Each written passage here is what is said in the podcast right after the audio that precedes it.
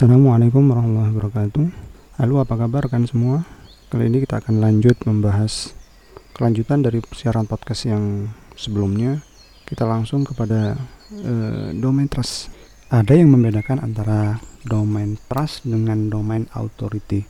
Tapi sebenarnya sama aja sih. Dan istilah yang paling populer digunakan adalah domain authority atau yang biasa disering disingkat dengan DA.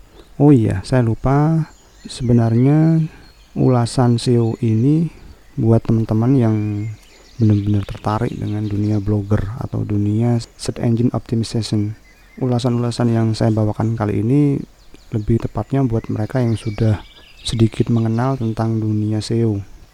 Buat Anda yang masih baru pertama kali mau belajar untuk dunia SEO, dunia search engine optimization ini eh, sangat tidak disarankan. Tapi kalau misalkan pengen sekedar tahu saja silakan karena ulasan-ulasan yang akan saya jabarkan berikutnya terdapat banyak kata-kata yang mungkin susah dimengerti oleh sebagian orang.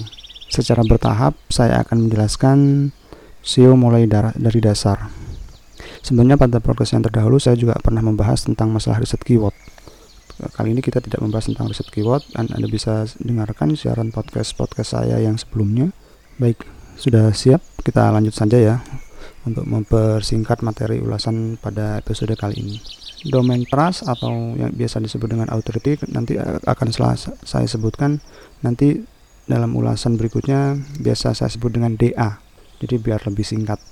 DA itu sendiri bisa diartikan sebagai efek yang saling mempengaruhi dari banyak faktor SEO yang dapat membuktikan tingkat kualitas dan kepercayaan dari suatu domain atau website itu sendiri. Kenapa semakin ke sini semakin hari persaingan kontes website SEO atau bukan kontes ya tapi persaingan SEO untuk menembak satu kata kunci itu semakin sulit. Semakin sulit dalam artian semuanya tidak mesti dimenangkan oleh seorang master SEO sekalipun. Kenapa? Karena search engine sekarang benar-benar adil dalam menempatkan sebuah website atau blog di mesin pencariannya. Jadi kita yang ingin belajar SEO tidak mesti harus takut atau mesti keder dengan persaingan kata kunci, apalagi yang banyak mengaku-mengaku sebagai master SEO. Bahkan seorang master SEO pun sampai detik ini rahasia sebenarnya apa itu SEO. Jadi semacam sebuah misteri yang besar. Namun dari situ kita memiliki pola, pola SEO itu seperti apa dan sangat mudah untuk kita pelajari. Biasanya pola sebuah blog menempati urutan pertama di dalam mesin pencarian di top 10 pencarian itu e, biasanya polanya juga tidak jauh-jauh dan kita bisa menirunya ke depan. Nanti kita akan bahas. Mengapa saya katakan demikian?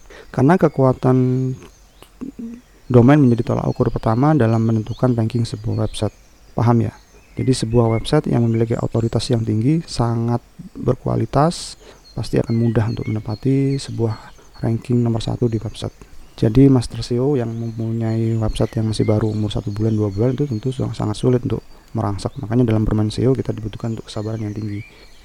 Kenapa domain authority menjadi terlalu Itu artinya dalam menentukan ranking suatu halaman web, algoritma Google tidak hanya menilai kekuatan halaman yang telah dioptimasi, dengan kata kunci tertentu, melainkan reputasi keseluruhan. Artinya apa? Eh, zaman dulu nih, mungkin bagi Anda yang sudah memperdalam ilmu SEO sejak dulu, ada kata kunci-kata kunci yang dibombardir dalam satu artikel. Mungkin Anda pernah membaca artikel yang di dalamnya mengandung kata kunci berulang-berulang sehingga kita tidak enak membacanya, risih membacanya karena terlalu banyak kata kunci. Zaman dulu masih bisa seperti itu masuk ke jajaran top 10 tapi sekarang mesin pencari sudah sangat cerdas mana artikel bermutu dan mana artikel yang jelek. Gitu ya.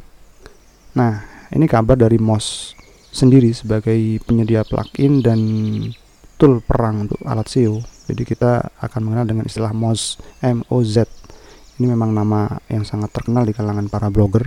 Dan pluginnya sendiri sudah tersedia ada versi gratis dan versi berbayarnya.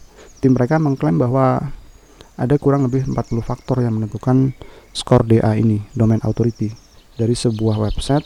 Jadi semakin tinggi nilainya nilai DA ini, maka akan semakin baik reputasinya. Akan tetapi hanya ada tujuh yang dipublikasikan dan nilainya paling berpengaruh.